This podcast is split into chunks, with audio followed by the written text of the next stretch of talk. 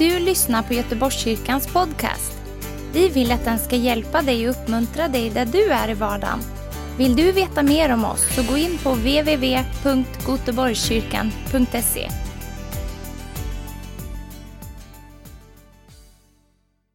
Vi är inne på del tre utav eh, bönens möjligheter. Eh, och eh, du har säkert hört det förut att det idag kommer att handla om bön som ger lön. Eh, många gånger så är det ju incitament eller eh, drivfjäder, motivation som vi behöver för att göra vissa saker som vi förstår mer eller mindre bra. Eh, när man precis har fått ett bönesvar är det väldigt lätt att be. Men när bönesvaret dröjer eller när man inte mår så bra så kan det vara så att man helt enkelt bara skippar bönen. Och det märker ju Jesus ganska så snart också när han möter sina lärjungar. Är det kamp och tufft, ja då somnade de och de orkade inte och Jesus han vädjade till dem, kan, kan inte bara be, kunde ni inte be med mig en enda timma? Så jag ska ställa den här frågan nu till, till er som är här och till dig som följer på annat sätt. Eh, är det någon här inne som alltid har inre drivkraft till att be? Ja, ni behöver inte anmäla er, men ni kan ju vifta någon hand. Eh, många känner ju när jag behöver nog, men vi har fått en helig ande. Och så vill jag bara säga det som en grund, för när jag talar här om, om bön som ger lön, så kommer det kanske vara lite annorlunda mot vad du hade eh, förväntat dig. Eh, men eh, utan den heliga ande så fungerar det ju inte alls. Så jag tänker att vi redan här i början kan be om den heliga andes hjälp att förstå det här. Vilken möjlighet vi har. Vilket verktyg vi har fått vilket vapen vi har fått, vilken drivkraft vi har fått inom oss genom den helige Ande. Så säg bara mig, Fader i Jesu namn, tack för den helige Ande som hjälper mig att förstå den gåva jag har inom mig, den möjlighet jag har fått genom bönen att lära känna dig och tjäna dig och se god frukt. Förnya mitt böneliv i den heliga Andes kraft. Amen. När Jesus eh, möter sina lärjungar så märker de att han ber, och han ber ofta till Fadern. Och man undrar ju varför behövde han be som Guds son? Jo, Gud blev ju människa. Han underställde sig eh, de här mänskliga villkoren och han behövde också be till sin himmelske far. Så de, de ser honom och, och säger han hur de ska be. Och det gick jag igenom för några veckor sedan. Det var bönen Fader vår. Alltså inte för att mumla, utan som en struktur, innehåll så har vi bönen Fader vår som ett fantastiskt exempel.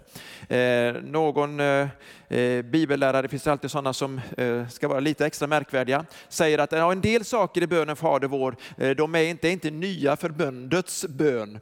Eh, men då eh, undrar man ju egentligen varför Jesus talade om det och varför han bad eh, på det sättet. Det finns många som vill förstå olika saker och säga lite märkvärdiga saker, men Jesus talar så enkelt om bön. Det är så omedelbart och det handlar om så enkla saker. Så förlåt oss när vi krånglar till det. När du får till dig det här så förstår du att du kan be 24-7. Men att du också kan be specifika tider då du har extra mycket fokus, allt annat avstängt. Det här är inga motsatsförhållanden. Många talar om bön som någon slags motsatsförhållande. Bön är bara gemenskap med Gud eller bön är bara arbete. Det är både och. Kan vi säga både och? ja, så det är en av de här missuppfattningarna när det gäller bön. Det är ju att man, eh, att man inte får någon lön för det. Utan det är bara nåd. Alltså, nåden verkar när vi tror och när vi ber. Så nåden är ingenting vi har fått för att vi liksom bara ska, liksom, ja, eh, men liksom, allt är ändå gratis och jag behöver inte tro eller jag behöver inte göra några handlingar, jag behöver inte eh, lyda. Eh, nåden är inte alls en sån ursäkt utan nåden är ju drivkraften, Guds kärlek till oss för att göra hans vilja och förstå att vi kan inte förtjäna det. Det är Guds gåva. Men tron samverkar med nåden och nåden samverkar med bönen och tron. Men så står det speciellt om en lön. Vad kan det vara för bibelord? Är det någon som har listat ut vilket bibelord där det står specifikt man ska få lön. Boris ser ut som han har listat ut det. Jag vet inte om, om powerpoint-presentatören har varit lite före här. Men det ska vara bön i det fördolda. Alltså in the secret place. Vi ser ju här att det fungerar bra. Tack så mycket ni där uppe och du där uppe och allting. Eh, så står det ju så här i Matteus 6 och 6. När du ber, gå in i din kammare, alltså också in the secret place, där ingen annan ser dig eller hör dig. Stäng din dörr och be till din fader i det fördolda. Då skall din fader som ser i det fördolda belöna dig. Visst är det märkligt att det står så? Och då, Eh, på många ställen i Bibeln så är det väldigt tydligt när det står om, om när man tjänar och, och man är, eh, är trofast och, och, så är det ju en lön, det är väldigt tydligt. Och den lönen, då är det ett ord som handlar om lön för utförd tjänst. Här är det inte ordet lön för utförd tjänst. Här är ordet ge tillbaka. Man ger tillbaka någon. Alltså man får igen. På engelska skulle det vara payback. Be i det fördolda så får du payback. Då får du återbetalning. Vad i hela världen är det vi får återbetalning för? Gud är ju inte skyldig oss någonting, eller hur? Men han lovar full återbetalning för all den tid vi tar i det fördolda ensamma med Gud, som ingen människa registrerar, som ingen vet om på Facebook, som ingen vet om i kyrkan, som bara din fader vet. Det handlar om fastan, eh, givande till de fattiga och bönen till Fadern. Matteus kapitel 6. Tre områden där vi får payback om vi gör det i det fördolda. För när vi gör det inför människor, för att de ska se då har vi redan fått ut vår lön. Innebär det då att vi inte ska be tillsammans med andra? Eller att man aldrig får ge någonting om någon annan ser? Eller att man bara ska vara tyst och inte säga till någon, vi kan inte ha någon gemensam fasta, alla ska bara göra det i smyg. Nej, det innebär det inte. Men det innebär att du inte ska göra det inför för att människor ska ge dig creds, eller likes, eller vad det nu kan vara för någonting. Utan det ska du få från din himmelske fader som vet den tiden och de orden och det som du gör när bara Gud ser dig. Om du så bara hjälper en människa, ber för någon, ger någon någonting, så vet din fader allt och han ska löna dig. Woo! Några blir jätteglada för några gör det här mycket i det fördolda och de känner sig väldigt uppmuntrade. Och andra känner, jaha, mm. nej men jag vill nog ha, ja du kan också få kreds för människor men då har du fått ut din lön. Nu undrar jag, kan man bli inspirerad av det här? Det var eh, för ett par månader sedan. Jag hade inte tänkt de här tankarna. Och så sitter jag liksom och ber, jag har mina specifika personliga bönämne. Sånt som jag bara säger till Gud, ber för, för människor och så bara får jag det här. Det som du gör i det fördolda, det ska belönas i det öppna. Och så tänker jag, men står det verkligen så? Står det så? Ja men, ja men så står det ju det ska belönas, det ska bli synligt, det ska belönas, man ska se det. Då skall din fader som ser i det fördolda belöna dig. Alltså det händer någonting, man ser det, man förstår det. Gud, han belönar oss i det som vi gör i det fördolda. Så nu frågar jag så här, och tänker göra det åtta gånger ungefär idag. Är det någon som vill gå in i det här mer? Ja, jag med. Jag blev så inspirerad av det och då förstod jag, viktigaste var inte om man var på knä, om jag satt, om jag stod, om man gick på en bönepromenad, om man gick in i ett speciellt rum. Utan att man gör det i det fördolda. Att bara Gud vet. Halleluja, tar vi nästa. Och nästa punkt. Då är det bön i nära relation med Herren och hans ord. Johannes 15 och 7. Jag ska läsa också de verserna som tillhör där, som det också, där det också handlar om den frukt som Gud vill se i våra liv. Om ni förblir i mig och mina ord förblir i er, så be om vad ni vill och ni ska få det. Min fader förhärligas när ni bär rik frukt och blir mina lärjungar. Jag läste också vers 8 där. Johannes 15 och 16 säger, ni har inte utvalt mig, utan jag har utvalt er och bestämt om er att ni ska gå ut och bära frukt. Sådan frukt som består för att Fadern må ge er vad ni än ber honom om i mitt namn. Nu vet jag att ni precis som jag börjar tänka, ja men det kanske jag kan be för det. Ja, kanske jag kan be för det, men tänk om det inte är Guds vilja. Ja, men om du förblir i honom, hans ord förblir i dig, då börjar du bära frukt. Det behagar Gud. Och det kickar igång, boostar relationen mellan dig och Jesus och hans ord. Så den här själviska delen, den krymper.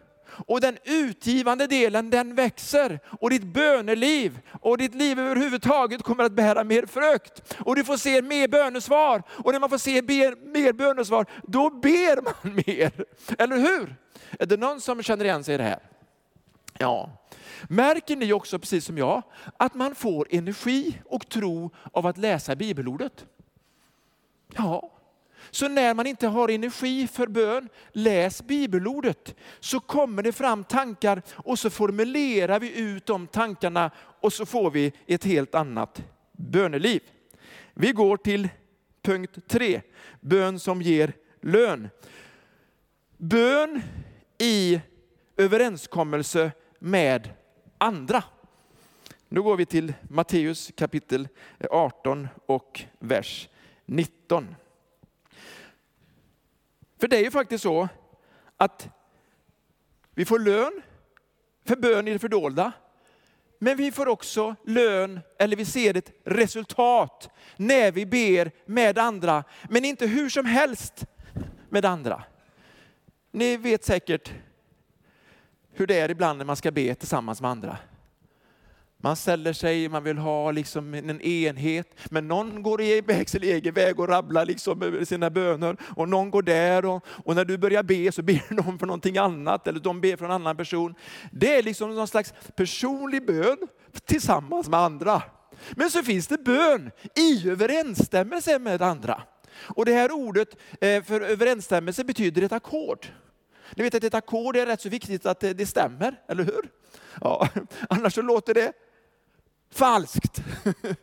Så det kanske inte blir falskt för att du sticker iväg med dina egna böner. Men när vi kommer överens om att be med någon annan, vad det än är, då ska ni få det av min himmelske fader. Märker ni att den himmelske fadern är med hela tiden i bönerna?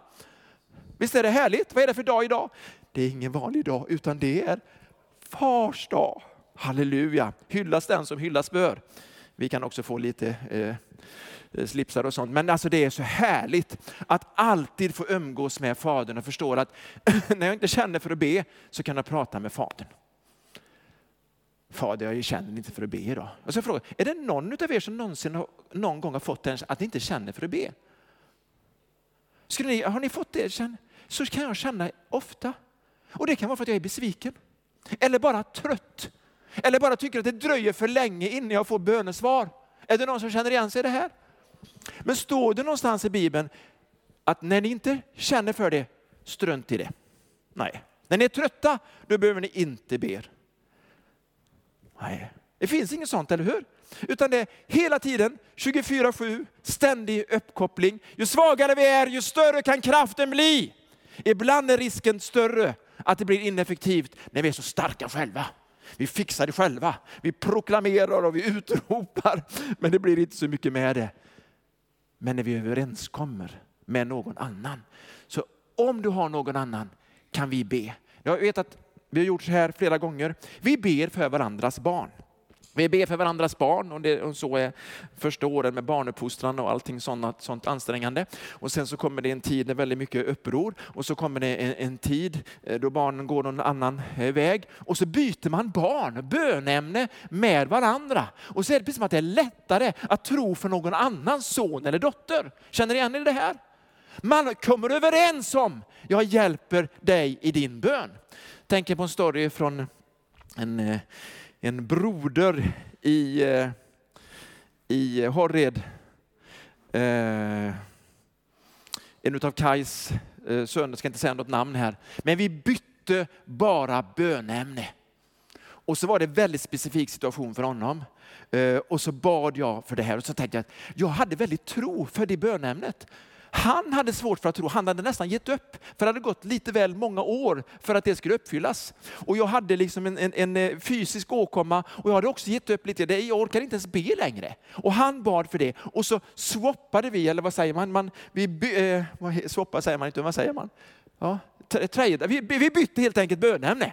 Vi kom överens om. Och sen när han liksom, när jag kommer till Harred, och så uh, rusar han på mig och säger, nu har jag fått bönesvaret. Halleluja, blir jag jätteglad. Fick jag säga till honom, du får fortsätta be lite för mig, jag har fortfarande inte fått mitt bönesvar. Men nästa gång kunde jag säga, nu har jag fått mitt bönesvar. Alltså den här överenskommelsen, det gör mycket, men det har också att göra med att man bara bestämmer sig för, nu vill vi inte ha den här ondskan, eller den här smärtan, eller det här nederlaget längre. Nu binder vi det här i Jesu namn, för det som vi binder här på jorden är bundet i himlen. Och det som vi löser ut här på jorden, det blir förlöst i himlen. Halleluja! Så vi har fått dessa nycklar i bönen. Så låt mig bara få läsa vidare vad det står här. Det är ju fantastiska verser. Vidare säger jag er, om två av er här på jorden kommer överens om att be om något, vad det än är, ska de få det av min fader. Ty där två eller tre är samlade i mitt namn, där är jag mitt ibland dem. Återigen, vi ber till Fadern, men det är i Jesu namn. Det är hans närvaro som gör det. Men versen innan där så står det, allt vad ni binder på jorden ska vara bundet i himlen. Och allt vad ni löser på jorden skall vara löst i himmelen. Tju! Ibland kan man ju vara med om förföljelse och smärta och där lärjungarna inte längre får predika i namnet Jesus. Du tänker så här kanske, det kommer aldrig hända oss i Göteborg. Att någon myndighet skulle förbjuda oss att förkunna namnet Jesus.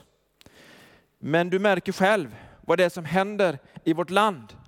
Att det dras åt och det blir svårare och svårare att få tillåtelse att få förkunna Guds ord som det står. Det krävs att man ska ta bort det, annars så får man inte det bidraget, eller annars så kan man inte få det jobbet, eller så får man inte göra det. Men när de första kristna blev förbjudna att tala i Jesu namn, därför att människor hade blivit frälsta och befriade från demoner och helade ifrån sjukdomar, så var det människor och andemakter som bara hatade namnet Jesus. Vad gör de första kristna då? Apostlagärningarna 4.24, när de hörde det ropade de endräktigt. Alltså överensstämmelse och enigt ropade de till Gud och bad. Och så ropar de, Herre du som har skapat himmel, jord och hav och alltihopa. Och du som har sagt genom den helige Ande. Och så proklamerar de Guds storhet. Proklamerar att det är den heliga Ande som har kontrollen. Och sen så ber de det här. Vilken bön, vers 29. Och nu Herre, se hur de hotar oss och hjälp dina tjänare att frimodigt predika ditt ord. Yes. Genom att du räcker ut din hand för att bota. Och så står det i en översättning, och låta tecken under och ske, men så står det inte i grundtexten, utan under och tecken ske. Det där med låta är någonting som man har lagt till. Jag märker det. Att man är ungefär som att, ja men Gud kan du låta det hända. Gud vill att vi ska bjuda att det händer i Jesu namn. Så vi säger under och tecken ske. Vi säger tillkommer ditt rike nu och under och tecken sker genom din helige tjänare i Jesu namn. Vad hände då? Omedelbart bönesvar. När man hade slutat att be skakades platsen där de var samlade och det uppfylldes alla av den helige ande och predikade frimodigt Guds ord. Första gången det här hände på allvar, att jag inte fick förkunna Guds ord, jag har berättat det förut, jag säger det igen som en illustration. Det var när jag inte fick berätta för barnen i den förskola jag praktiserade på. Och det var en där som gick till myndigheterna, föreståndaren, och så blev jag förbjuden att berätta om Jesus för barnen. Och då tänker jag så här, jag vill ju ha kvar min plats, eller hur? Så jag tänker inte bara vara olydig och bara säger, det gör jag ändå. Nu ska jag predika ännu mer. Nu ska jag liksom stå utanför och gå in i matsalarna och nu ska jag liksom skriva det på näsan, till och med på ledarna. Tänk, jag ber till Gud. Jag kommer överens med min församling. Jag går till Philadelphia på Öckerö, så får jag tillträde till talarstolen och så ställer sig hela församlingen upp. Och de ber och de ropar till Gud. Och när jag kommer tillbaka så tror ju jag att det ska ske ett under, eller hur? Och ni som har hört storyn förut, att efter bara 14 dagar eller tre veckor så kommer föreståndaren och säger så här, varenda förälder, muslim som icke-muslim, alltså det här handlar om eh, 30 barn per 27, alltså det var väldigt många föräldrar. Alla föräldrarna säger, de vill att du ska berätta om Jesus för dem. Alltså det är ju ett bönesvar. Alltså vi kan ju backa. Ja, men nej, då kan jag inte säga det. Nej, då kan jag inte göra det. Eller så kan jag bara be om någon slags ny tillåtelse. Det kallas för att man får frimodighet ifrån Gud. Därför att Gud öppnar en dörr som djävulen försökte stänga. Så jag menar att vi behöver inte vara korkade och bara köra på och vara i köttet och bli arga och fräsa. En annan gång så fick jag inte förmedla, jag var på en fest. Du ska inte predika om Jesus. Och tänker liksom, nej det kan jag ju inte göra. Om han säger som, som ja, han är ändå den som fyller år. Men det kanske är någon annan som säger, Gud, det finns någon annan som kan säga någonting. Och då händer det.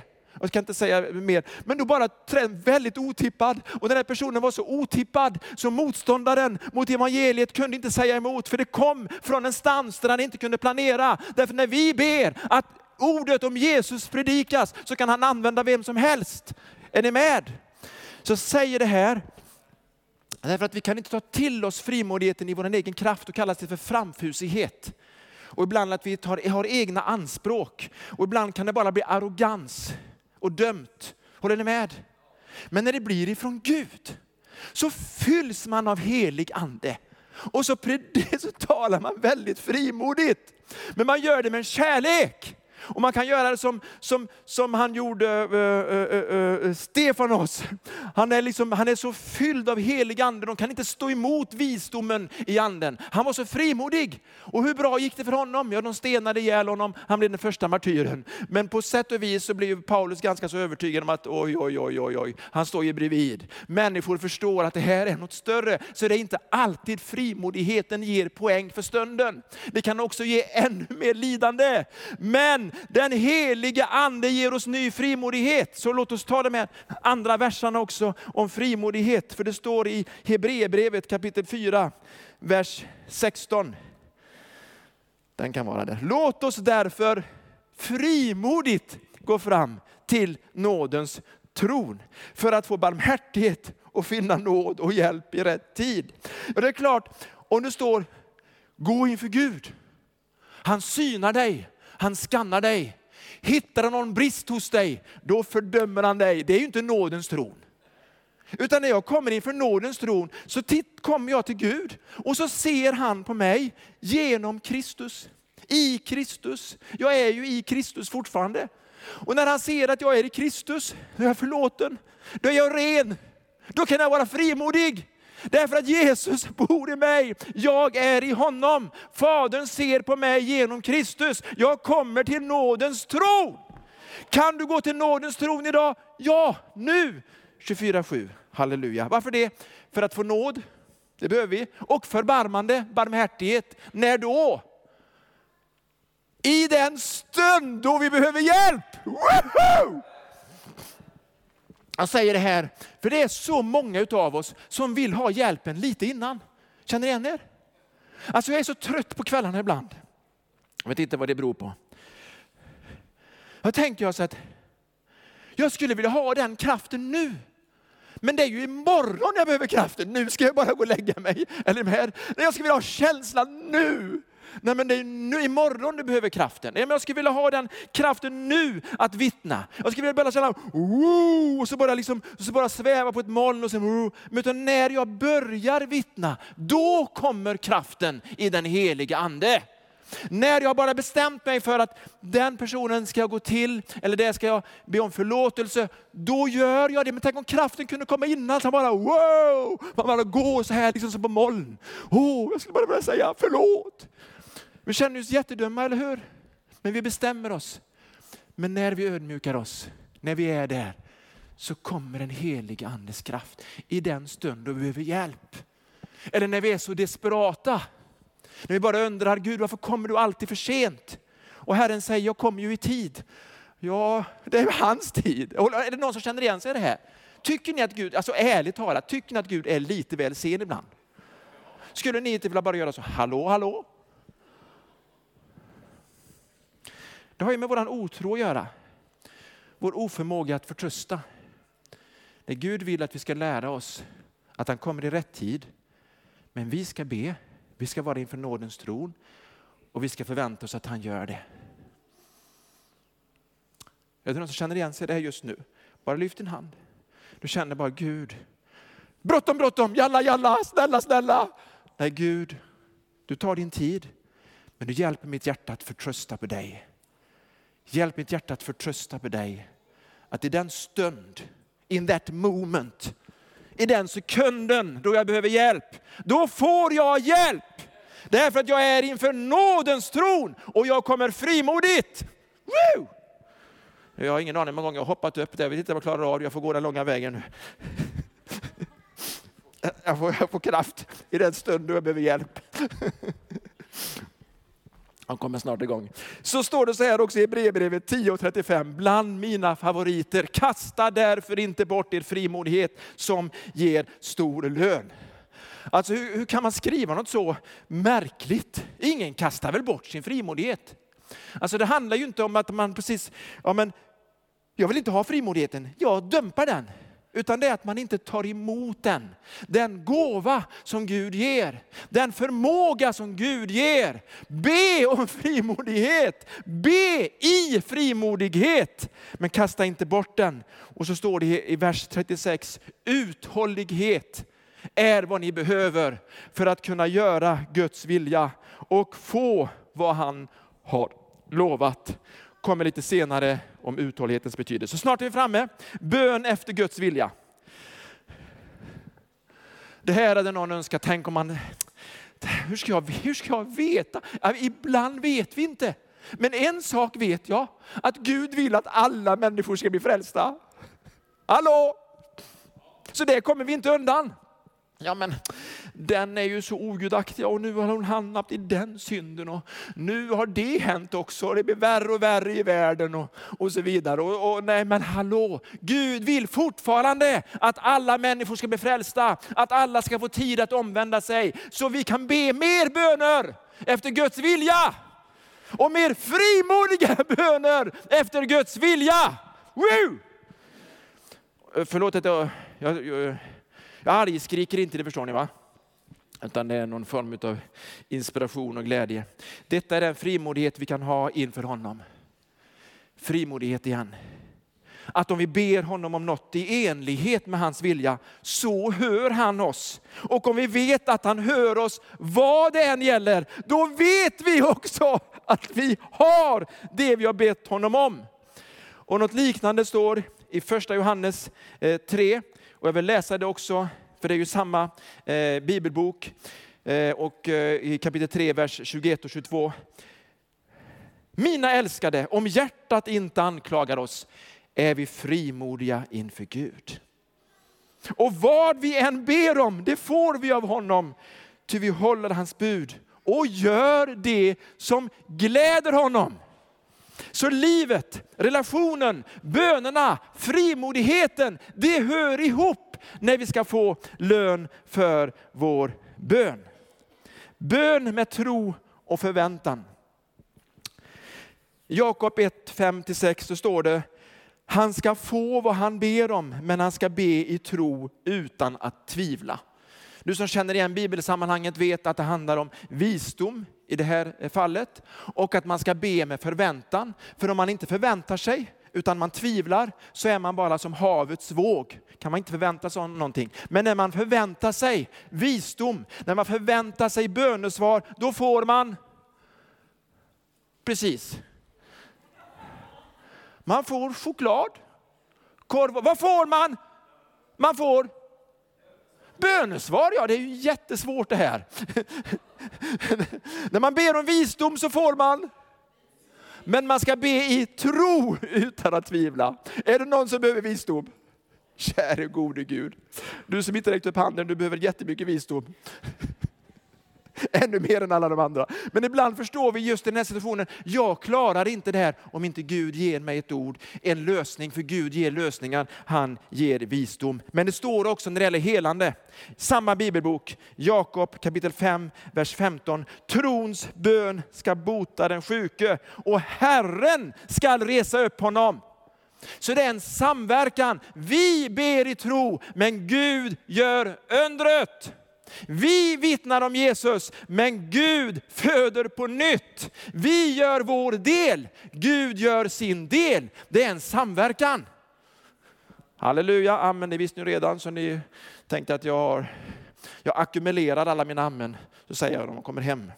Så står det så här i Markus 16 och 17 också. Dessa tecken ska följa dem som tror.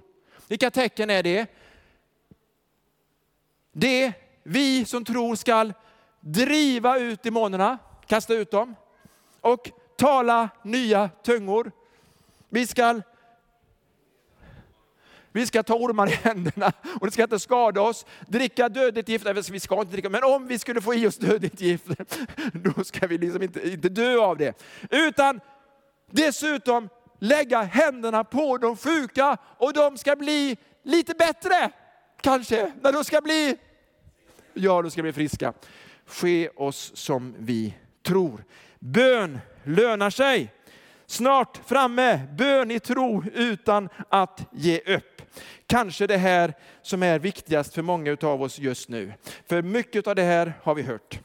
Men vi har ändå gett upp.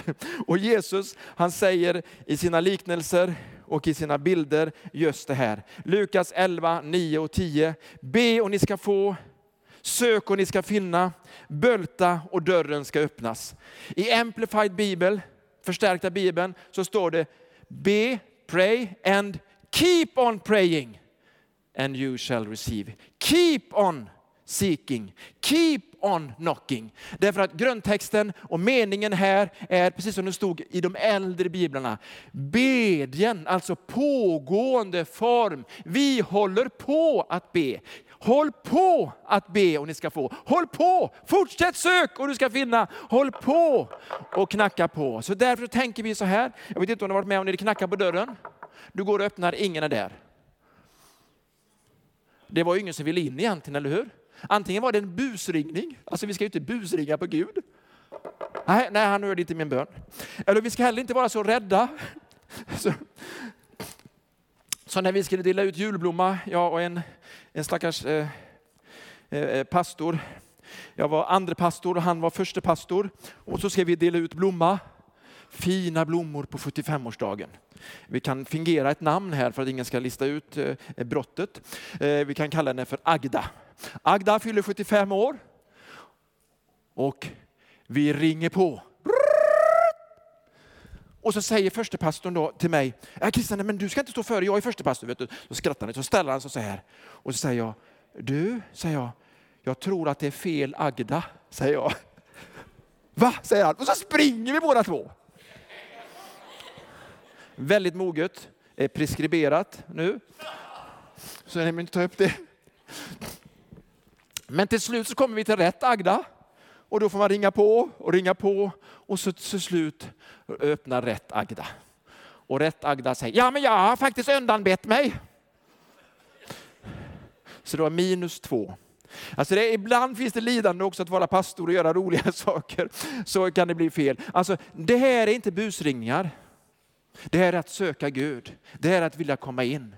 När Jesus berättar de här två liknelserna i Lukas 11 och Lukas 18 så berättar han två liknelser som egentligen mer är kontrastliknelser. Han berättar om, om någon av er har en, en vän och så knackar man på där. Därför att du, den här personen vill ha bröd mitt i natten. Ja, då öppnar du. Nej, men jag har mina barn här hos mig och alla, alla, alla sover, jag kan inte gå upp. Du öppnar ändå, för annars blir det ju pinsamt, eller hur? Man ställer ju bara upp. Det kan ju inte vara så att en av dina vänner inte kan liksom ge sina gäster mat bara för att du liksom är lite bekväm och inte kan gå upp för att barnen sover. Eller? Det finns säkert sådana bekväma typer som bara stänger av. Jag öppnar inte, men jag tror att jag skulle öppna i alla fall. Kanske, prova inte det här, försök inte det. Men det kan ju vara så. Ni vet att män är olika, men det är en kontrast. Det är inte så att Gud är liksom som en sån där halvkompis, ytlig friend på Facebook, en av tusen. Liksom. Ah, nej, tittar inte, gillar inte, orkar inte, orkar inte. Det, det är en kontrast. Om vi vanliga människor är så goda att vi öppnar mitt i natten. Gud, han är vår far. Han ger helig ande åt den som ber honom. Han ger goda gåvor åt den som ber honom. Det är en kontrast. Sen är de änkan och domaren. Lukas 18. Också där. Jag ska ha min rätt, säger änkan. Domaren. Jag ska ha min rätt. Hon ger sig aldrig, säger Jesus i liknelsen. Inte ens den orättfärdige domaren kan stå, på, stå emot en påträngande kvinna. Det är en kontrast. Det är ingen liknelse att ja, Gud han är ju som en domare, han är orättfärdig, han är arg. Tjata på honom så får du bönesvar. Han är som en sån där kompis som du inte riktigt vet vad du har. Tjata på honom så ska du få lite bröd. Nej, han är god. Han ger när vi ber. Han säger till och med, pappor, förlåt oss, ni som är onda, eller vi som är onda. I jämförelse med Gud är vi ju det. Vi ger ju ändå goda gåvor. Men Gud som är fullkomlig, han bara vill ge. Om du vill ha ut din rätt så är Gud ingen orättfärdig domare. Han är en god Gud. Han ger dig din rätt. Du har fått den rätten i namnet Jesus som ett barn till honom. Så därför så ge inte upp. Du har inte, jag har inte, har inte fått, ge inte upp. Ska vi säga det? Ett, två, tre. Ge inte upp. Säg det till någon annan.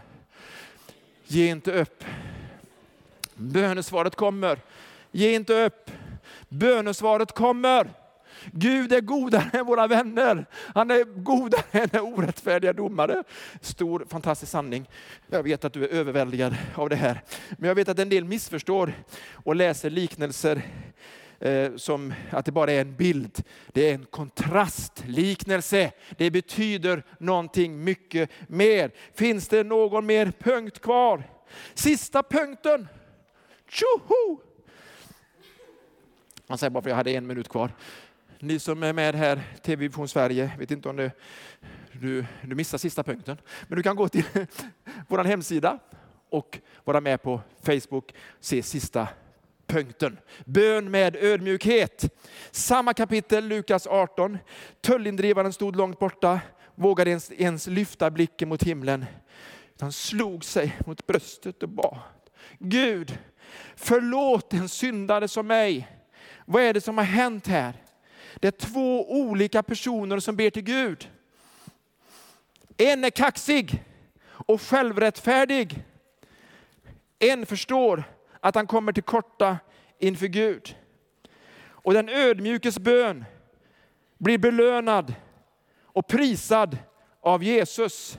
Och säger någon, men han kanske inte ens var frälst när han bad. Nej, men den ödmjukes bön om bekännelse för sin synd ger frälsning och rättfärdighet ifrån Gud. Så om du inte är frälst, du kan bli frälst. Därför att du bekänner din synd. Därför att du inte säger, jag är inte som alla andra. Se på den och se på den. Jag är lite bättre än någon. För nästan alla jag känner jämför sig med någon annan och de behöver kanske inte bli kristna för de är bättre än någon kristen de känner. Hallå? Det är inte måttstocken andra kristna, måttstocken är Gud, hans helighet. Vad har vi att komma med? Nada! Det är bara genom Jesu namn och hans rättfärdighet vi kan bli frälsta. Hur var det nu med de här herrarna i Lukas 18? Står det så här, för några som var säkra på att de själva var rättfärdiga och som föraktade andra, berättade Jesus också denna liknelse. Hoppas inte att du finns här.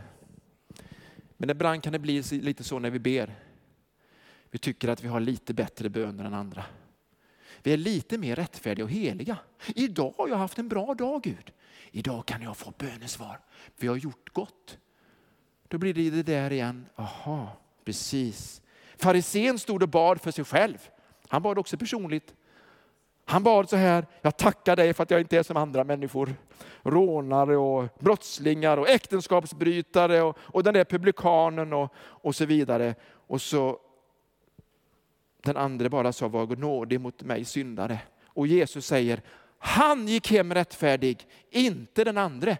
Ty var och en som upphöjer sig ska bli förödmjukad, men den som ödmjukar sig ska bli upphöjd.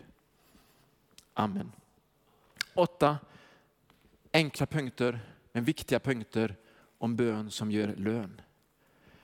Jag tror att du mer eller mindre kan känna igen dig och känna dig triggad av det här.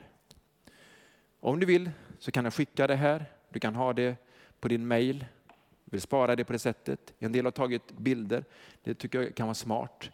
Men jag uppmuntrar dig att sitta med det här och ge bränsle för din bön. Använda det här. Vad det betytt för mig, det är jättemycket. Men jag behöver också förnyas i bön. Och jag har känt tillsammans med flera andra oberoende av varandra att vi som församling behöver förnyas i bönen, i tron på Gud. Inte att vi kommer ha fler möten och fler samlingar och rabblar samma böner, utan att vi kommer tillsammans och ber på nytt igen. Prioritera den tiden. Nu på fredag har vi särskilt bönemöte inför advent och inför mycket som ska komma. Pröva att vara med. Pröva att vara med på nytt, du som har prioriterat bort det. Och jättestark bön här i fredags. Här innan gudstjänsten, en sån uppmuntran att få den förbönen som man får här. Det är bara en halvtimme, ibland bara 20 minuter, betyder så mycket. Kan vi också höja i nivå. Vill ni församling, vill du vara med att höja nivån, gå ett steg till och se mer frukt utav vår lön. Vill du vara med och ge den tiden? Säg till Gud, förnya mig helige ande. Jag tror att lovsångare kan komma fram. Tack för att ni väntade så. Så står vi upp. Tack Gud. Och bara säg med mig, säg tack Fader. Av hela mitt hjärta. Låt mig få lära känna dig mer och tjäna dig och förstå bönens hemligheter och förstå bönens möjligheter så att jag kan prioritera rätt och söka ditt rike först och inspirera andra till att söka dig i bön. Och hjälp mig att vittna om bönesvar och tro att jag har det som är din vilja. Jag tackar dig Gud i den heliga ande i Jesu namn. Du kommer också göra så här. Eh, lovsångarna kan strax börja här. Det finns sådana som har sökt Gud länge för olika saker och du känner igen dig så starkt i det här att nej, nu ger jag upp. Jag säger, du kan vara så oerhört nära.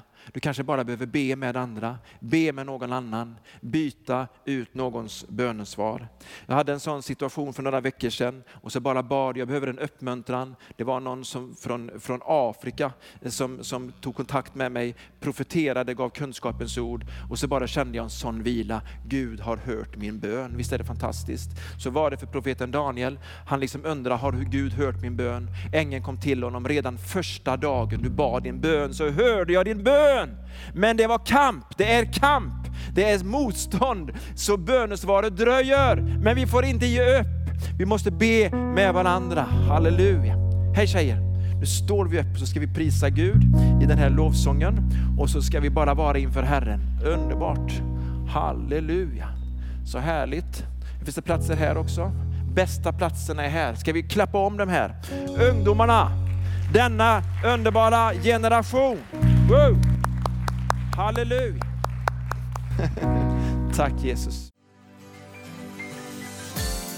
Tack för att du har lyssnat. Dela gärna podden med dina vänner och glöm inte prenumerera. Om du har frågor eller vill att vi ska be för något så mejla oss på info På söndagar har vi veckans höjdpunkt. Då firar vi gudstjänst tillsammans och det vore så kul att träffa dig där. Men vi har även samlingar för barn då? Gå in på vår hemsida goteborgskyrkan.se så får du veta mer. Välkommen till oss!